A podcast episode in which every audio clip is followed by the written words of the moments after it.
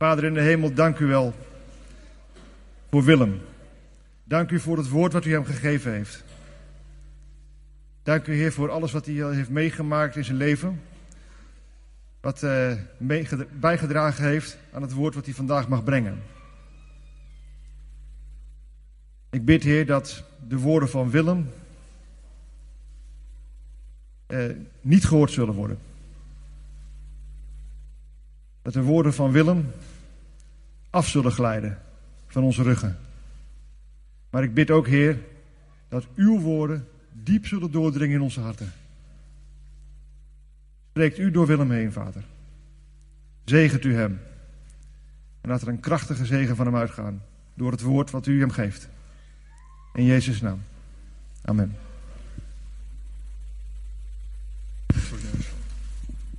Ben ik te horen?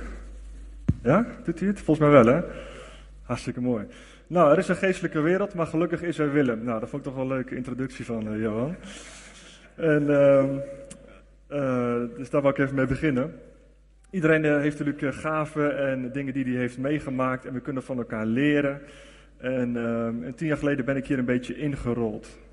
ik ben elf jaar geleden wedergeboren. En ik, ik lag s'nachts in mijn bedje op een, op een kamp van, van de gemeente. Bij de Wok Maxis in de buurt. En ehm, ik lag heerlijk vol de geest. Ik had God net leren kennen. Ik dacht van nou, dat moet geweldig zijn, die God. En één keer gebeurde bij, naast mij gebeurde er iets. Er sprong een man door de lucht heen en ik zag allemaal hele wazige dingen. En toen dacht ik, oké, oké, er is dus een licht, maar er is ook dus een duister. En uh, sinds die tijd ben ik bij uh, Wilkie van de Kamp in het team. Ik bid nu al elf jaar in conferenties met, uh, voor mensen. Ik heb heel veel geestelijke dingen meegemaakt. Wij als thuis hebben van alles meegemaakt. En um, ik had hele mooie, sappige voorbeelden voor vandaag voor jullie. Maar uh, ik had de preek helemaal klaar afgelopen vrijdag. En toen hoorde ik dat de kinderen in de dienst waren. Dus ik heb even moeten censureren. Het was een 18-plus preek, maar nu is het een 12-plus eh, preek geworden. Waar zitten de kinderen onder de 12? Waar zitten die? Daar. Ah, oké, oké, oké. Dus ik ga jullie wat dingetjes vertellen uit het woord. En ik ga het ook proberen heel goed te vertellen. Maar ik ga het een beetje genuanceerd brengen. En ik hoop dat jullie daar een beetje begrip voor hebben. Goed, de geestelijke wereld. Nou, hij staat er al op. Um, alles wat wij doen heeft effect op de geestelijke wereld. En de geestelijke wereld heeft ook effect op ons. wij zitten op de eerste hemel. Je stoel, je tafel, degene naast wie je zit, dat is in de eerste hemel. En om ons heen, dat je dus niet ziet, meestal niet ziet, dat is eigenlijk de tweede hemel, dat is de geestelijke wereld. En daarboven is de derde hemel, daar woont God. En de engelen van God die gaan van de derde hemel naar de tweede, naar ons toe.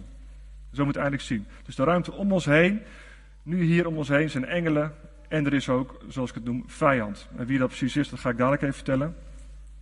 Nou, soms komt die geestelijke wereld, wordt zichtbaar. Of wordt voelbaar, tastbaar, merkbaar. En uh, je geweten kan gaan spreken. Soms dan voel je iets of dan, dan ervaar je iets en dan weet je, dit is niet helemaal goed. Dat voel je in je geest, als het ware, in je buik. En dat kun je negeren, maar je kunt er ook gevolg aan geven.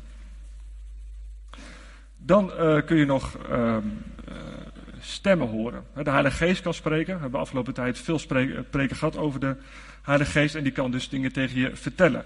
Maar de vijand spreekt ook. Wist je dat 10% van de Nederlanders af en toe stemmen hoort? 10%. En dat 3 tot 5% van de Nederlanders regelmatig stemmen hoort. Heb je wel eens nagedacht in welke vorm die stemmen spreken? Als je bijvoorbeeld zegt van, uh, ik ga met de trein, dan zeg je, ik ga met de trein. Je zegt niet tegen jezelf, je gaat met de trein. Maar als je, zegt, uh, als je stem hoort die zegt, je moet voor de trein springen, dan wordt er dus tegen je gezegd. Je zegt niet tegen jezelf, je gaat in de trein zitten. Maar er wordt wel tegen gezegd, je moet voor de trein spreken, springen. Snap je? Je hebt dus eigen gedachten. Die komen uit jezelf. Ik vind mezelf niet leuk, ik vind mezelf uh, niet, niet, uh, niet aardig of ik hoor er niet bij. Dan zijn het je eigen gedachten. Moet je op een menselijk niveau, dan moet je dus tegen uh, mee aan het werk gaan. Maar dan kan ook tegen je gesproken worden. Jij bent niet leuk. Jij ziet er niet goed uit. Jij kan dat niet. Maar dat jij, dat is zo genuanceerd, dat voelt alsof het van jezelf is. Dat voelt alsof het eigenlijk bij je hoort. Van die persoon, die vind jij niet leuk. Of die spreekt iets over jou. Dat is de eerste les eigenlijk al. Als je gedachten krijgt, in welke vorm worden die tegen je gesproken? Goed, we gaan eens eventjes een, uh, een klein testje doen, een kleine oefening doen met kijken in de geestelijke wereld. Speciaal voor de kinderen ingevoerd, maar de volwassenen nodig ook van harte uit om eventjes mee te doen. Want de geestelijke wereld is eigenlijk heel reëel en je kunt eigenlijk ook heel makkelijk daarin kijken. Alleen je moet weten wat er dan te zien valt. Dus, we gaan een beetje een misschien een oefening doen voor het oog, maar het gaat je echt even wat leren. Ja? We gaan even een beetje fantaseren. We gaan even iets heel leuks fantaseren. Durf je dat aan? Ja? Oké. Nou, allemaal even de ogen dicht. En dan gaan we iets fantaseren dat we in een hele grote mooie speeltuin zitten, speciaal voor de kinderen ook. Een hele mooie speeltuin zie je voor je. En een hele grote glijbaan, daar gaan we lekker vanaf. En dan gaan we naar de grote schommels toe. En dan gaan we lekker even schommelen. En daarna gaan we nog op het springkussen. En als je van de springkussen afkomt, dan ga je naar de snackbar. Er staat een hele grote patat met staat daar voor je. Met dikke frieten en een dikke kroket. Die gaan we lekker eten. Zie je dat patatje voor je? Zie je zelf aan tafel zitten daar lekker patatje eten? Ja? Oké, nou, jullie mogen allemaal eventjes in de realiteit terugkomen. Wie zag dat patatje voor zich? En die glijbaan en die schommel. Is makkelijk te zien, hè? Nou, datzelfde is eigenlijk hoe de geest werkt, de geestelijke wereld.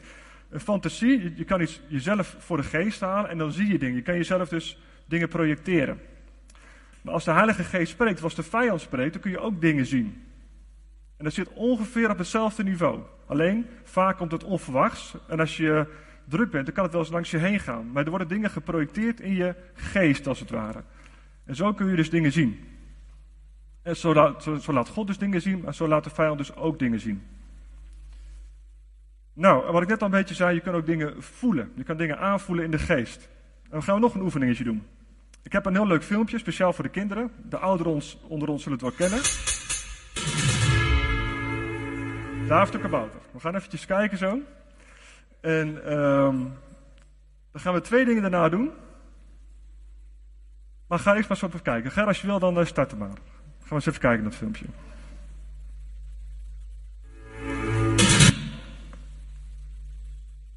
Kamer gebruikt, maar om mijn ruggenborstel te gebruiken, dat gaat te ver. Ben je hier gekomen om dat probleem op te lossen? Nee, uh, toch? Nee. In de eerste plaats gebruiken we de verleden tijdspiegel. Mm, we moeten weten waar het echte mes is en wie het gestolen heeft. Loop maar even met me mee, David.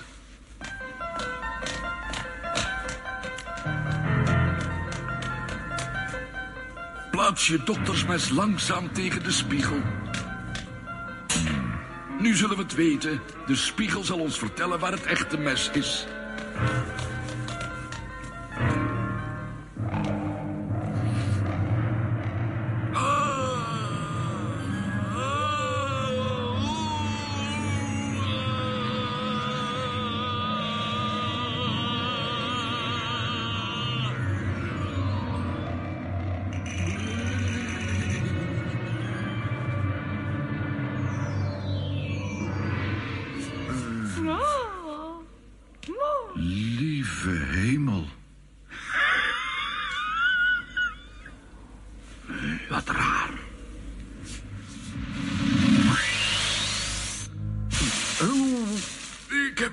Vergist.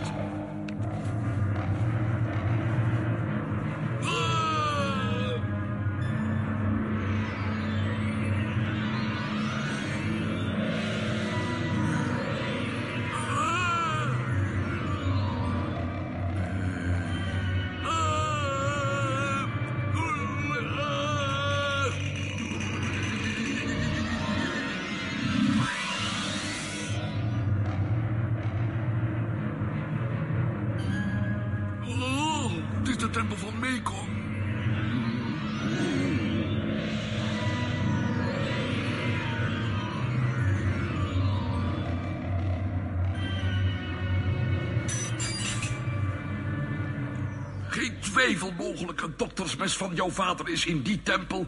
Ik begrijp niet hoe het daar gekomen is. Al duizenden jaren is er niemand in die tempel geweest. Het is verlaten. Iemand bracht het daar. Maar mijn spiegels kunnen niet zeggen wie het deed.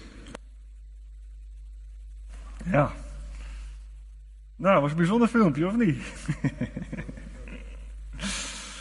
nou, ik zie allemaal een beetje gezichten van. Hmm, hmm. Dat was een beetje een gek filmpje.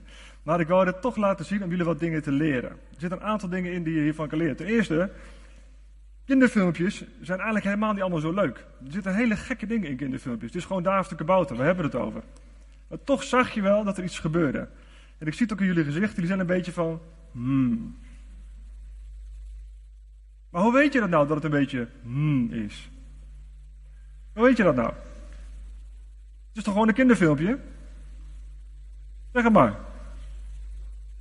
Ja? Sorry?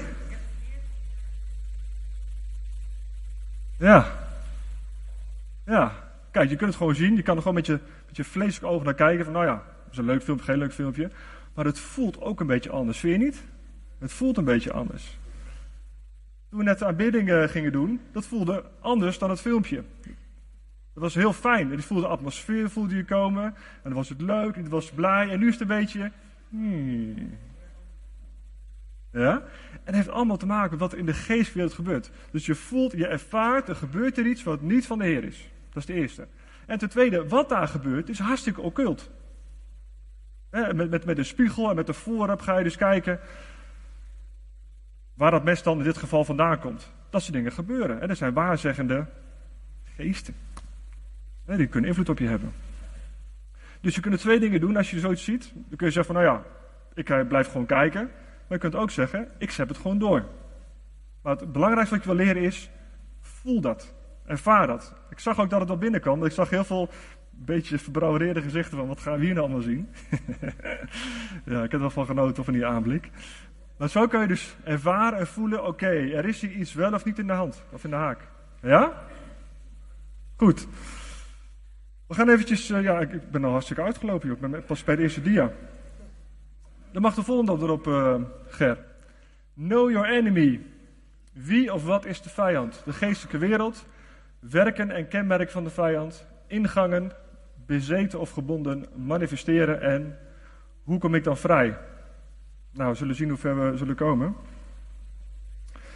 De eerste, wie of wat is de vijand? De vijand is eigenlijk, um, in de Bijbel wordt hij een demon genoemd of wordt hij een, um, uh, de duivel genoemd. Maar zijn eigenlijke naam is, nee, Lucifer. Lucifer, lichtdrager.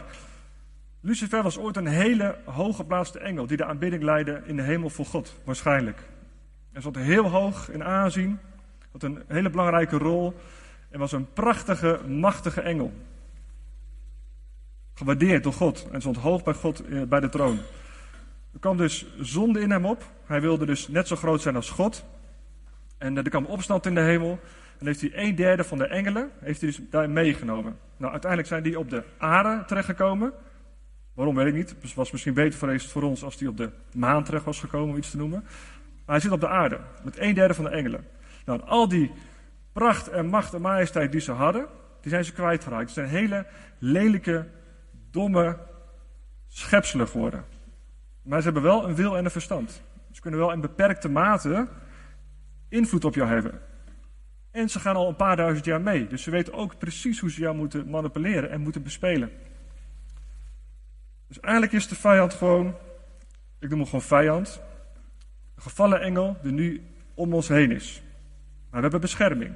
Jezus heeft ons volledige autoriteit gegeven over de gehele legermacht van de vijand. Niet over een paar, over de gehele legermacht. Het is een verslagen vijand, hij is aan het kruis, is die overwonnen.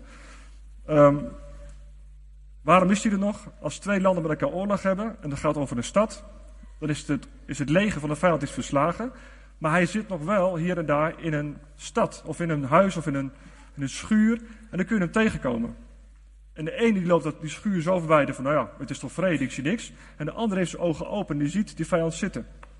En wij als christenen, het is belangrijk dat je weet dat de vijand er zit. Het is een overwonnen vijand, maar het is en blijft een vijand die jou zoekt te vernietigen. Is niet een passieve vijand die je tegenkomt. Ja, goh, misschien dat hij wel een conflict met je krijgt. Nee, hij zoekt jou. Hij gaat rond als een brullende leeuw, zegt de vijand. Om jou te vernietigen. Jouw vrede erover. Ja, identiteit, wie jij als persoon bent. En jouw identiteit, wie jij in Jezus bent. Dat doet de vijand. Nou, we gaan even uit het eh, woord lezen. Een aantal eh, stukjes. Om eens te kijken wat het woord nou erover zegt. In het begin was het woord en het woord was bij God en het woord was God. Het woord was bij God in het begin. Door het woord is alles ontstaan en zonder het woord is niets ontstaan van alles wat bestaat. In het woord was leven en het leven was het licht voor de mensen. Het licht schijnt in de duisternis en de duisternis heeft het niet in zijn macht kunnen krijgen. Het gaat hier dus niet over licht en donker, een lamp aan of uitzetten. Het gaat hier over een realiteit die iets van jou in zijn macht probeert te krijgen. Ja? Een lamp kan jou niet in zijn macht krijgen. De volgende tekst, Efeze 6. Ten slotte nog dit. Word sterk door één met de Heer te zijn en zijn grote kracht in u te laten werken. Bewapen u met alle wapens die God ons geeft. Dan zal de duivel met zijn slinkse streken u geen kwaad doen.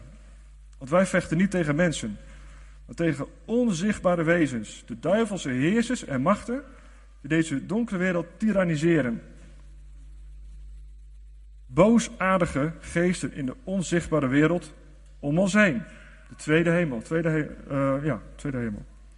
Bewapen u dus met al Gods wapens om u te kunnen verdedigen als de vijand aanvalt. Dan zult u, na grote dingen te hebben gedaan, ongeslagen uit de strijd tevoorschijn komen.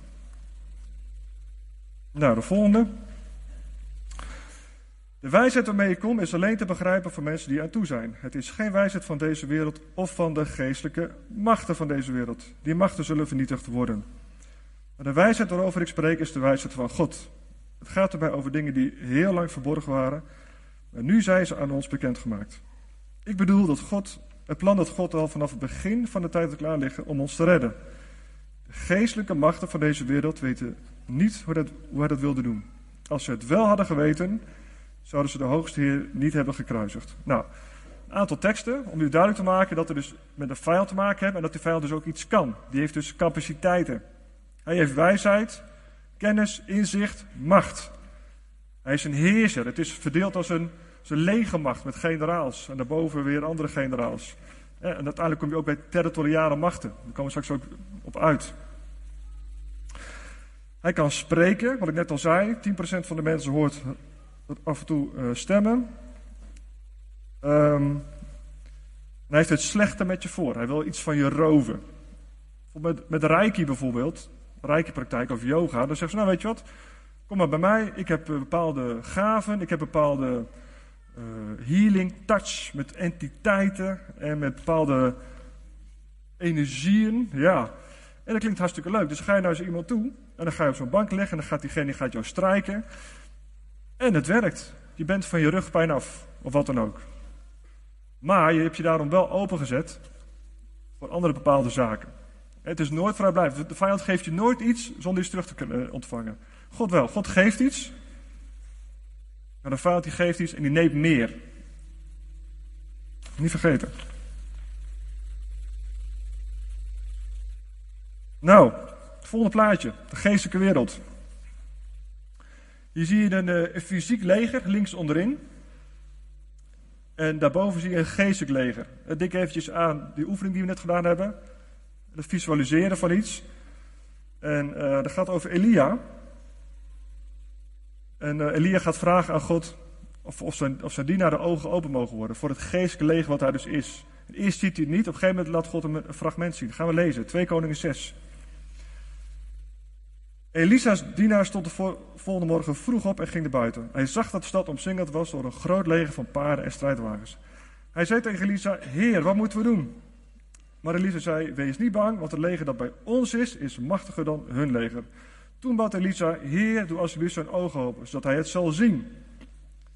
Toen zag de dienaar opeens dat rondom Elisa de berg vol was met paarden en strijdwagens van vuur.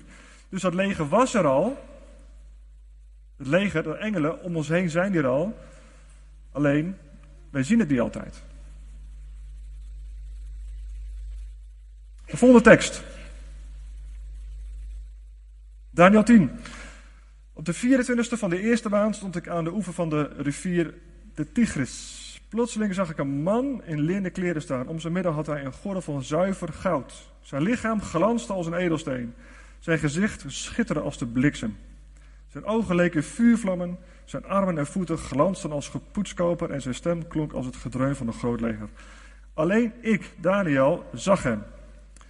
De mannen die bij me waren zagen hem niet. Ze voelden wel dat er iets bijzonders gebeurde. Ze werden heel erg bang en vluchtten weg om zich te verbergen. Zo bleef ik alleen achter toen deze belangrijke, indrukwekkende dingen zag. Wie heeft Daniel daar gezien, denken jullie? Wie zag hij daar? Jezus? Een engel? Andere meningen of mensen die hetzelfde denken? Engel, Jezus? Ja? Goed, volgende vers. Toen de man met een hoofdletter zag, had ik helemaal geen kracht meer. Ik werd doodziek, doodsbleek en voelde me helemaal slap. Toen hoorde ik hem spreken. Zodra ik zijn stem hoorde, viel ik flauw. Ik viel met mijn gezicht op de grond. Toen raakte een hand mee aan. Ik kwam op knieën en handen overeind. De man zei tegen mij: Daniel, vriend, let nu goed op wat ik zeg. Kom overeind, want ik ben naar je toegestuurd. Toen kwam ik bevend overeind. Hij zei: Je hoeft niet bang te zijn, Daniel. Vanaf de dag dat je probeerde alles te begrijpen en dat je God hebt gebeden, heeft hij je woorden gehoord. Na jouw gebed ging ik onmiddellijk op weg. En nou komt de kern van de tekst. Hij ging onmiddellijk op weg. Maar de heerser van Perzië hield mij 21 dagen tegen. Toen kwam Michael, een van de belangrijkste engelen, naar mij toe. Hij kwam mij helpen omdat ik werd tegengehouden door de heerser van Perzië. Nu ben ik naar je toegekomen om je te vertellen wat in de toekomst met je zal gebeuren. Want het zal over de verre toekomst gaan. Snap je? Of de Jezus of een engel is, dat weet ik niet precies. Maar hij had dus 21 dagen nodig om vanaf de derde hemel naar Daniel toe te komen. 21 dagen. Of het een engel was of Jezus ik weet het niet, ik heb het niet uitgezocht. Maar het is dus 21 dagen omdat gebed van Daniel iets gebeurt. Er is dus een vijand geweest die hem probeert tegen te houden. En een machtige vijand. Hij is wel verslagen. Ja? Nou, ik heb nog een andere verhaal, maar die laat ik eventjes voor wat is. Mag je naar werken en kenmerk van de vijand gaan, Ger, als je wil. Werken en kenmerk van de vijand. Nou, wat doet die vijand dan? Mag je naar Psalm 18, die volgende slide. Ik riep het uit tot de Heer, tot de Heer die het waard is dat wij hem prijzen. Toen redde hij mij van mijn vijanden. De dood hield mij in zijn greep. Het dreigde mij als een wilde rivier, het doodrijk omklemde mij. Overal loerde de dood op mij. Wanhopig riep ik de Heer om hulp. Nou, hier zie je dus dat de dood uh, iets geestelijks is. Corine hier, die was een jaar geleden, nou laat ik het maar 18, uh, 12 plus zeggen, twee jaar geleden alweer. Die had niet zo'n zin meer om te gaan leven.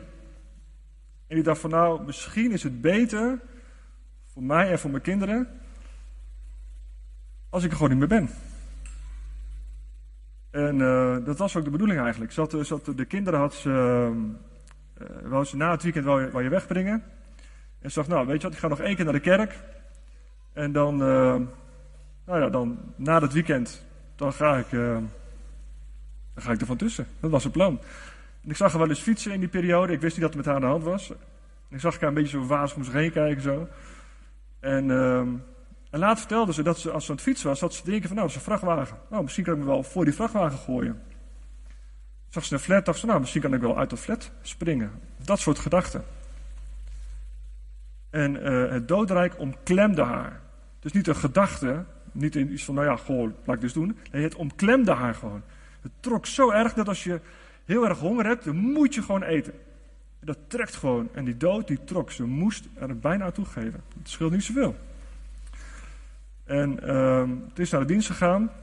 En ze kreeg een appje van mensen die, uh, die eigenlijk niet zo heel veel met de kerk hebben. Van, ja, je moet naar de kerk gaan, je moet naar de gemeente gaan, er moet voor je gebeden worden. En ze ging naar voren toe en ze is bevrijd. Dus niet van de god, ze voelde zich lekker. Nee, die dood die haar omklemde, is weggestuurd. En dat was een heel spektakel. Maar uh, het is wel gebeurd. In, één minuut Compleet andere manier van leven, compleet andere manier van denken. En zij dacht gewoon dat het bij haar hoorde. Het voelde gewoon alsof het gewoon klopte. Ja, ik, ik wil dit gewoon. Ik wil dit. Ik, ja, het is gewoon best voor mijn kinderen. Ik kan er beter uitstappen. En zo geraffineerd gaat de vijand te werk. En daarna ging ze gewoon, ja, verder met leven. Net of er, eh, eh, ja.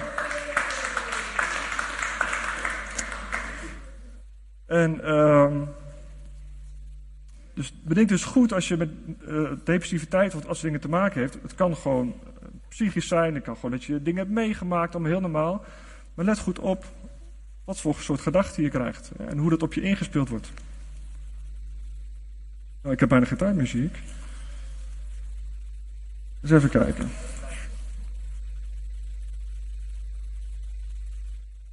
Nou, Exodus 20. Oh nee, ingangen. Mag ook nog eventjes. Er zijn een aantal ingangen die je kunt openen of sluiten, waardoor je dus meer of minder of geen invloed van de vijand in je leven kan hebben. Een aantal uh, ingangen zijn onvergevingsgezind.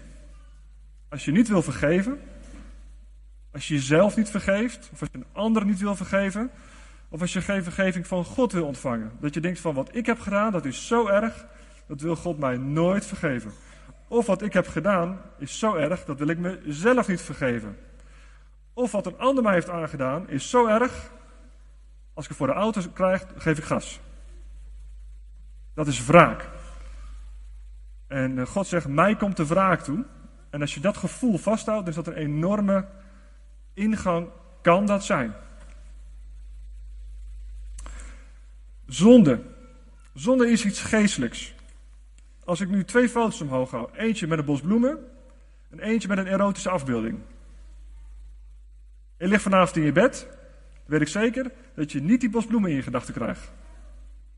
Maar wel die erotische afbeelding. Die in één keer komt die weer in je, in je gedachten. Dat is toch gek, waarom niet die bos bloemen? Omdat zonde is iets geestelijks. Dus wat je dus ziet, dat is niet wat je gewoon ziet en dan, daarna vergeet ik het weer. Nee, dat wordt geprojecteerd. In de geestelijke wereld blijft dat hangen. Dat wordt op jou geprojecteerd. Maar net het moment dat je wil gaan bidden, of dat je een goed gesprek over met iemand wil hebben over dat iemand anders misschien in onreinheid leeft, krijg jij in één keer een plaatje in je gezicht. Waar komt het plaatje vandaan? Snap je hoe het werkt? Um, het bagatelliseren van zonde. Dus eigenlijk een beetje het, uh, het wegpoetsen van, nou ja, ik deed het wel, maar eigenlijk viel het wel mee. Oudere mensen een spuitje geven als ze klaar zijn met leven. Heb je een voltooid leven, heb je dan. Dat is toch fijn? Nee, het is zonde. Je maakt iemand dood. Je moet zonde ook benoemen als zonde. Je moet gaan staan en tegen God zeggen: Oké, God, wat ik fout gedaan is, wat ik gedaan heb, is gewoon verkeerd. Ik ga ervoor staan, ik vraag het vergeven. Of nou ja, ja, weet je wel, ja, het kon eigenlijk wel en ik voelde me niet lekker. Het kan allemaal zijn. Omstandigheden kunnen meehelpen. Maar je moet en zal verantwoordelijkheid moeten nemen voor wat je verkeerd gedaan hebt. En natuurlijk is daar vergeving. Uiteraard. Maar zolang jij het wegpoetst, bagatelliseert, dan kan dat een ingang zijn. Verantwoordelijkheid nemen. Nou, de volgende. Exodus 20. Dan heb ik nog een paar leuke vragen voor jullie dadelijk. De wet. Toen gaf God de volgende leefregels. Ik ben jullie Heer God. Ik ben het die jullie uit de slavernij in Egypte heeft bevrijd. Jullie mogen geen andere goden dan mij hebben dan mij alleen. Maar geen godenbeelden van iets wat in de lucht, op de aarde of in het water onder de aarde is. Ga niet zulke beelden aanbidden en dienen. Want ik, jullie Heer God, ben een jaloers God en ik wil niet dat jullie andere goden aanbidden. Als mensen mij niet willen gehoorzamen, zal het slecht met hen gaan. Nou, wie heeft er thuis een afgodsbeeld die die aanbidt? Wie? Niemand? Gelukkig maar. Strikvraag. Maar de volgende. Wie heeft er een andere God naast God? Joe, je hoeft niet jouw vinger op te steken hoor. Bijvoorbeeld uh, geld. Te veel willen hebben of te weinig hebben. Of eten of drinken. Verslaving. Goedkeuring van anderen. Ik wil zo graag andere mensen wel leuk vinden afwijzing. Facebook, relaties, controle willen houden. Dat kunnen ook goden worden. En alles moet in balans zijn. Dus als je, als je gewoon maal bezig bent met jezelf, van hé, hey, hoe zouden al mensen mij leuk vinden, wat dan ook, is er niks aan de hand. Als het echt een God voor je wordt, kan dat een ingang brengen. En de derde is, niet een andere God, maar misschien ben je je eigen God. Kan ook nog, dat je zelf op de troon gaat zitten. Bijvoorbeeld wraak, net al even over gehad. Je kan wraak willen nemen op mensen. Dat je zo vasthoudt aan die pijn die is aangedaan. De schuld die je zelf hebt. Een slachtofferrol. Ja, maar ik heb altijd dit. Ja, maar ik heb altijd dat. Dat vindt de vijand geweldig. Gaat hij heel fijn opzitten. Gaat hij ook keer pijlen sturen. Kijk zo zielig jij bent. Kijk hoeveel pijn jij hebt. Jij mag wel zondigen. Geef er maar aan toe. Is niet erg. Liegen en controle willen houden. Alles vast willen houden. Dat kan ook een God zijn. God wil jou volledig. Hij is een jaloers God, zegt God. Al het andere is voor jezelf. Brengt je niet iets heel goeds. En vertel het ook aan God. Zeg ook, Heer, dit en dit hou me bezig. Hou me misschien te veel bezig. Ik geef dan nu. Vul me helemaal. Dat is de grond voor bevrijding. Hoeveel tijd heb ik nog, Johan? Sorry? Weet zeker? Ja.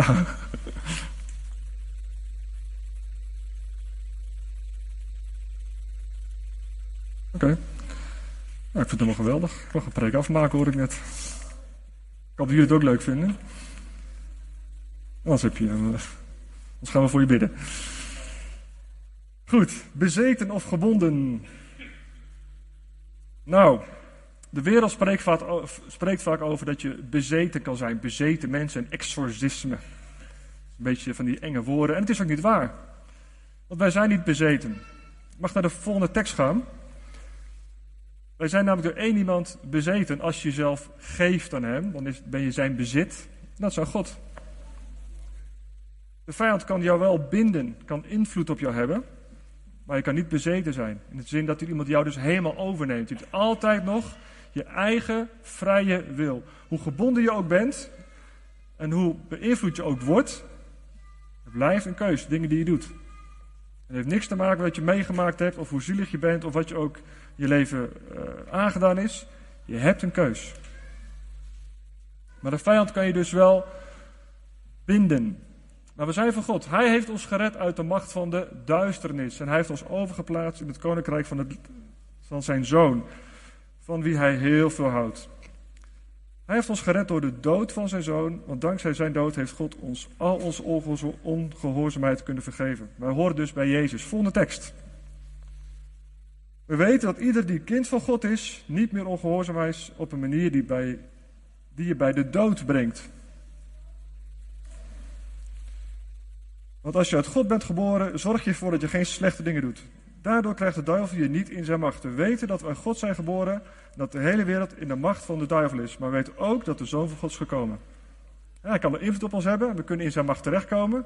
Als je kiest voor Jezus, zit je aan de goede kant. We zijn meer dan overwinnaar. We hebben autoriteit over de gehele legermacht van de vijand. En de laatste, Want jullie horen bij het licht en bij de dag. Wij horen niet bij de nacht of bij het donker. Daarom moeten we ook niet geestelijk slapen, zoals de andere mensen, de mensen van de wereld. die zo'n huis in zo'n stad voorbij lopen, van nou ja, het is vrede, wie zou hier zijn? Ondertussen zit die vijand er wel in. Je moet wakker zijn. We moeten geestelijk wakker zijn en goed opletten en nuchter zijn. Dus ook opletten op de dingen die God je geeft. met, met die fantasie die ik net heb, wat we net gedaan hebben. God kan dat soort dingen zomaar geven. Alleen je moet er wel alert op zijn. En de ene is de gevoeliger voor de ander. Maar God kan iedereen eens laten zien. Nou, manifestatie. Moeilijk woord. Dat is proclameren, is ook zo'n moeilijk woord. Ik begreep het eerste jaren niks van manifesteren, proclameren. Manifesteren is als iemand die gebonden is, als die geest tevoorschijn komt. Dan kun je zien. Dan verandert er iets in die persoon. In zijn ogen, in zijn houding. En wat hij doet, dan gaat hij een beetje gekke dingen doen. Marcus 1. De Bijbel heeft daar een aantal voorbeelden van. Op dat moment was er in de synagoge een man in wie een duivelse geest zat. Hij schreeuwde, laat ons met rust. Wat moet u van ons? Jezus van Nazareth. Zij wisten dus wie Jezus was. Dat was wel bekend daar, bij de geesten. Bent u gekomen om ons te vernietigen? Ik weet wel wie u bent, de heilige van God. Jezus zei streng tegen hem, hou je mond en ga uit de weg. Duivelse geest maakte de man aan het stuiptrekken en schreeuwen. Stuiptrekken en schreeuwen. Heb je ook wel eens meegemaakt. Corine heeft er ook meegemaakt. Degenen die erbij waren, Corine ging ook stuiptrekken en schreeuwen. Is dat erg? Nee. Waarom doen die geesten dat? Omdat ze ervan balen dat ze weg moeten. Dan gaan ze een beetje tegensputten. Als je een vierjarige hebt, die pak je ook, begint ook een beetje schreeuwen en te stuiptrekken. Ja, dat is toch zo? Alleen, dit is even een, iets anders. Zeg wel eens tegen Janneke voor de grap van, nou, Miele is ook weer te manifesteren. Nee, nee, nou ja. Maar het volgende plaatje. Nou, ja, het is niet goed te zien, hè? Het is een foto van het boek van, uh, van Wilkin. Um, Vrijheidspastoraat. Maar er zijn een aantal dingen die je dus kunt tegenkomen als mensen gaan manifesteren. Nou, ik zal het even voorlezen. Ik kan het zelf ook niet lezen, joh. Grimassen trekken, uh, tanden laten zien, wegdraaiende ogen, hoesten, kokhalzen, tong uitsteken, niet meer kunnen ademen, de kaken stijf op elkaar, vluchten en vloeken en schelden, dreigende taal, vervloekingen uitspreken, denigrerende uitspraken, dierengeluiden, sis als een slang. Kom ik straks nog op terug. Kronkelen als een slang, pijn in de buik, waar je geest zit, van je afslaan, ongewone fysieke kracht, dat heb ik ook meegemaakt. In het gezicht spugen en slaan, krabben, verstijven van de spieren, verkramping. Nou, de rest, uh, in dat rijtje hoort ongeveer thuis. Dat soort dingen kunnen gebeuren als je iemand gaat bidden. Nou, nog een paar voorbeelden. Matthäus 8. Jezus kwam aan de overkant van het meer. Dat was de streek van de Gadarenen. Er kwamen twee mensen aan hem toe die in de macht waren van de duivelse geesten. Ze woonden op de begraafplaats. Ze waren erg gevaarlijk en niemand durfde langs de begraafplaats heen te gaan. Ze schreeuwden tegen Jezus. Wat moet u van ons, zoon van God? Bent u gekomen om ons pijn te doen voordat het de afgesproken tijd is? Nou, hier is even een, uh, een leuk verhaal op zijn plaats, denk ik. Ik, heb, uh, ik was in een conferentie jaren geleden. En uh, er gingen bidden voor mensen. En er ging iemand manifesteren. En diegene die, ging, die viel op de grond en die ging in zijn lengterichting ging die draaien. Dus die lag in de lengte lag hij op de grond. Ging naar zijn boor, ging die draaien. Heel snel. Onmenselijk snel. Hij ging brrr, zo ging hij rond. En ik had net onderwijs gehad over uh, dat je engelen kunt vragen om je te helpen. Nou ja, eigenlijk kun je God vragen om engelen te sturen. En die man die lag daar en die had ook, uh, de vorige tekst was dat denk ik, die had enorme kracht. Dus ik kon hem met mijn fysieke kracht ook niet tegenhouden. Ook met zijn tienen zou hij niet kunnen tegenhouden. Zo hard draaide hij rond. Dat deed ik die geest in hem. Dus toen vroeg ik, vader wilt u engelen sturen om deze man te binden? Op het moment dat ik het gebeden had, die man lag helemaal stijf. Net als hij in een, in een dwangbuis zat. Zo, zat hij. Het enige wat hij kon was zijn oog bewegen zo. Kon niks meer bewegen. Zelfs het puntje van zijn vinger kon hij niet meer bewegen. Helemaal stijf lag hij. God had zijn engelen gestuurd. Dat betekent dus dat die, die vijand die kwam erboven. Dat betekent dus ook dat de engelen er ook zijn. Elk mens, elke christen die hier zit, heeft één of twee of misschien meerdere engelen bij zich. Daar ben je misschien niet altijd van bewust, maar het is wel zo. Dus je kan God vragen of hij zijn engelen wil sturen om jou te helpen. Ja? En uh, toen hebben die man dacht gewoon heel rustig. Ja, er komt ook niks meer. Die zat me een beetje aan te kijken zo. en uh, ja, dan kon we heel rustig voor hem bidden. Zo gaat dat.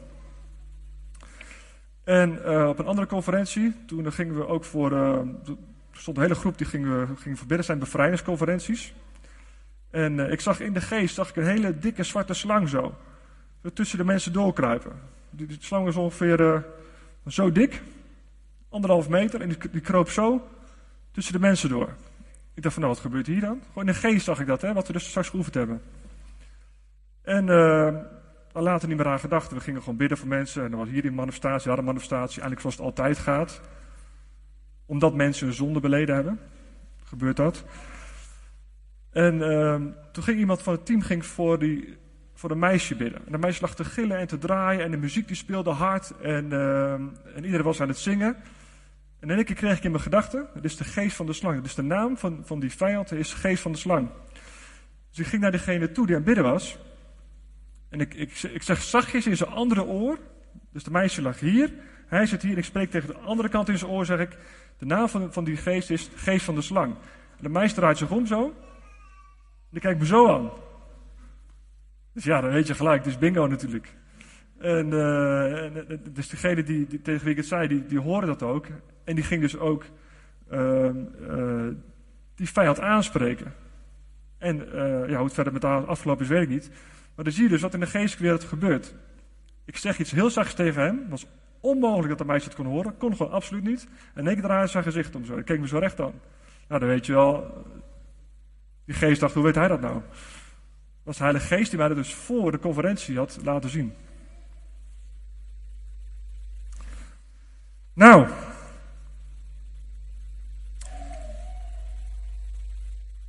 Oh ja. En ik heb een keer een, uh, een droom gehad. Een hele mooie vrouw. En uh, die kwam naar mij toe. En uh, die wilde mij. Ik weet niet precies wat ze wilde. Maar ik ging naar haar toe in die droom.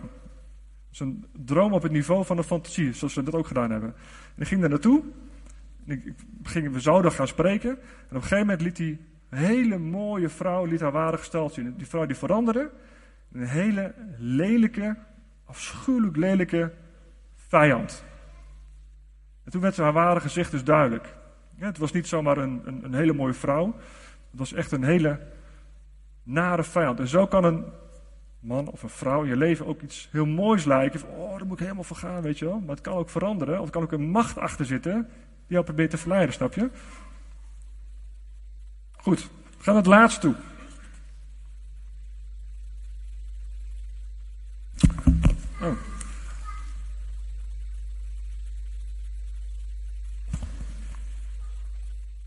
Ben ik er nog?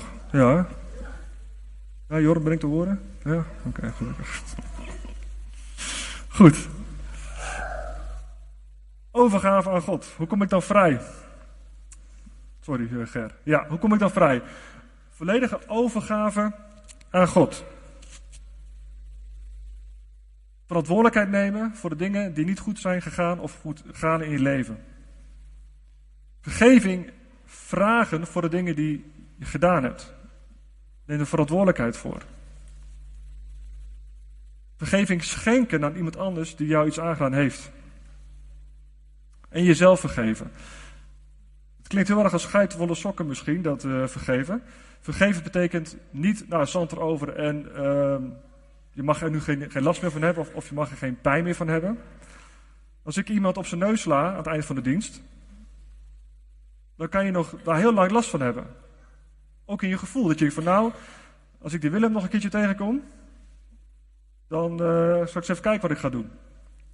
En dat gevoel van die wraak, dat is een stukje van vergeven. En als je vergeven is dus eigenlijk het recht op wraak opgeven. Dus het recht van vergelding opgeven. Je zegt niet meer, als ik jou te pak krijg, dan zal ik jou eens even doen. Nee, dat stukje geef je God. En dan kan je zo een beslag nemen. Want je kan zelf wel nog maanden, misschien nog jaren boos op mij zijn dat ik dat heb aangedaan aan jou. Maar ik heb zoiets, nou ja, ik ben het weer vergeten. Ik leef mijn leven en jij bent als slachtoffer, zit eraan vast. Als ik hem te pakken, als ik hem zie. Elke keer als je mij ziet, word je boos. Oh, hij heeft me toen die neus kapot geslagen. Ik kan nog steeds niet goed ruiken. En al die jaren heb ik steeds een litteken. Dat kan. Je kan nog steeds last hebben van dingen die jou aangedaan zijn. Ja? Maar vergeven is dus dat je het recht op vergelding. Het is mij aangedaan en God zal het regelen. En dat je daar pijn van hebt of dat je daar verdriet van hebt, of last van hebt, ja, natuurlijk kan dat gebeuren. Dat heeft niks met vergeven te maken. Dan ga je proces van herstel in. Zelf vergeven, een ander vergeven en vergeving vragen. Drie super belangrijke pijlers. Ik doe ook heel veel aan, date met name heel veel aan bevrijdingspastoraat, aan bevrijdingen. En uh, als je één van die drie elementen achterwege laat, dan kun je bidden tot je in ons weegt. Dan zul je gewoon niet vrijkomen. Is een enorm belangrijke grond voor bevrijding. Nou, ik ben een beetje aan het eind gekomen. Ik had nog veel meer sappige verhalen, maar ja. Die komt misschien nog wel een keer als er wel kinderdienst is. Ehm, de geestelijke is enorm groot. Er gebeurt ontzettend veel. En een deel daarvan staat in de Bijbel, een deel daarvan kan ik vertellen of andere mensen kunnen jullie vertellen. Het belangrijkste is om te weten dat Jezus dood volledige autoriteit over de complete legermacht van de vijand heeft gebracht. Dus je hoeft niks of niemand te vrezen. Je zal geconfronteerd worden met dingen. Dat is normaal, hoort bij het christelijk leven. En God heeft ons niet uh, achtergelaten. Zomaar. Met, we hebben wapens. De Heilige Geest, we hebben elkaar, we kunnen bidden, we hebben engelen met een zwaard die voor jou vechten. Ik heb een klein beetje laten zien voor vandaag. Heel ietsjes. Ik heb, ik heb een tip van de sluier voor jullie opgelicht. Ik hoop dat jullie er wat mee kunnen. En ook dat jullie ook nieuwsgierig worden, want je hebt er gewoon dagelijks mee te maken. Volgens mij gaan we nog even lekker eh, aanbidden, Johan, of niet? En uh, richt je in deze tijd van de bidding ook op God. En ga eens kijken wat God misschien tegen jou gaat spreken. En daarna is er ook ruimte voor, uh, voor gebed, uiteraard.